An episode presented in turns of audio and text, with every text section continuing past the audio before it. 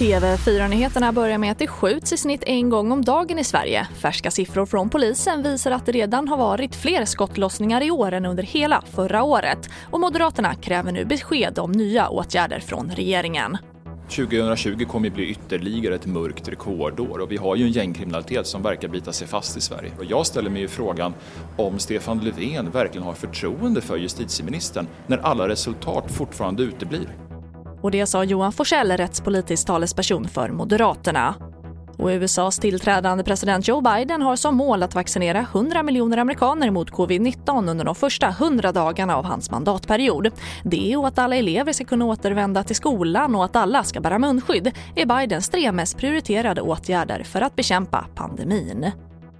Och vi avslutar med att efter decennier av bråk och mycket om och men har Kina och Nepal nu enats om hur högt världens högsta berg egentligen är. Mount Everest har fått 86 nya centimeter och blir därmed avrundat 8849 meter högt.